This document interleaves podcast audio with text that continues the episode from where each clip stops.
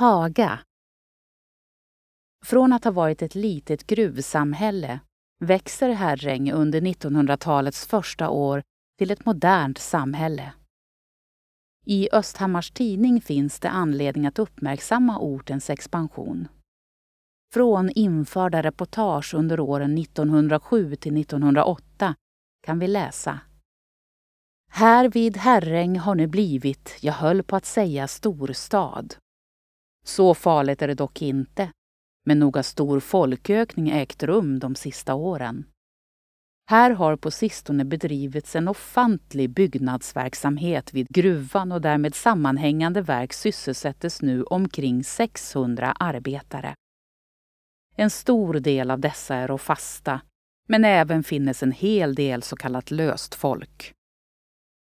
Missnöjet med gruvbolagets monopol på inköp och försök att kväsa arbetarnas uppror gjorde att man gick samman för att få tillgång till varor och tjänster i kooperativ och bilda fackförening.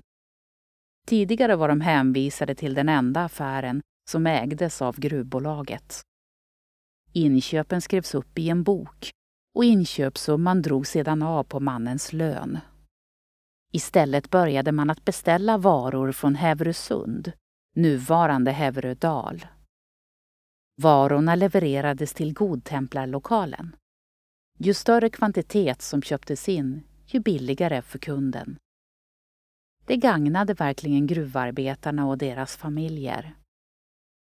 Konsum bildades som ett kooperativ, det vill säga samägt, och konkurrerade med bolagets affär.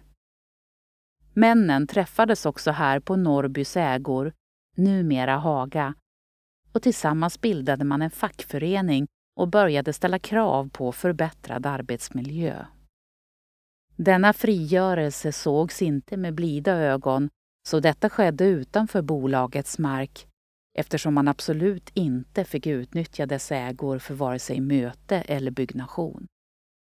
Förutom godtemplarlokalen som liksom Konsum kom till i sann samhällsanda så startades det även upp bank, café, bageri, post, slakteri, pub, pensionat med flera faciliteter. Nu blev det också vanligare att barn och vuxna cyklade. Kvinnorna med svängande kjolar, männen med dunikaboxen på pakethållaren. Barnen försökte säkert cykla utan att hålla i styret och kom det mötande bilar var det bara att köra ner i diket. Hade man tur när man cyklade förbi slaktaren kunde man få med sig en påse korvsnuttar, dåtidens godis. Man kom samman mera nu. Det fanns kringresande sällskap som visade film. Man beslöt då att införskaffa egen filmprojektor. Det var stumfilm som visades och en man från orten ombad spela piano till. Man samlades i godtemplarlokalen då Folkets hus låg i Skeppshusviken i Hensvik på den tiden, långt från centrum. I mitten av 50-talet byggdes nuvarande Folkets hus i Hagaområdet. Mitt i samhället låg också telegrafen. Dit fick man komma för att ringa telefonsamtal. Man beställde samtal i en lucka och väntade på att det skulle kopplas fram. Då fick man tillgång till en liten kur att stå och samtala i. Alla visste allt om alla. Inga hemligheter gick att bevara. Kvar från det äldre centrumstråket finns Haga Handel som idag används som bostadshus, Folkets hus och kooperationens affärsbyggnad samt ett handelshus från 1938, före detta Wahlgrens affär, snett emot Kuggens livs, före detta Konsum. När man går här idag kan man med fantasins hjälp titta in i de tidigare skyltfönster som finns kvar och se postkassörskan sortera brev eller plinget från telegrafen. Upplev flera berättelser och objekt på plats med Geostory-appen. I appen kan du också tävla om att bli väktare och beskyddare för dessa. Finns där appar finns.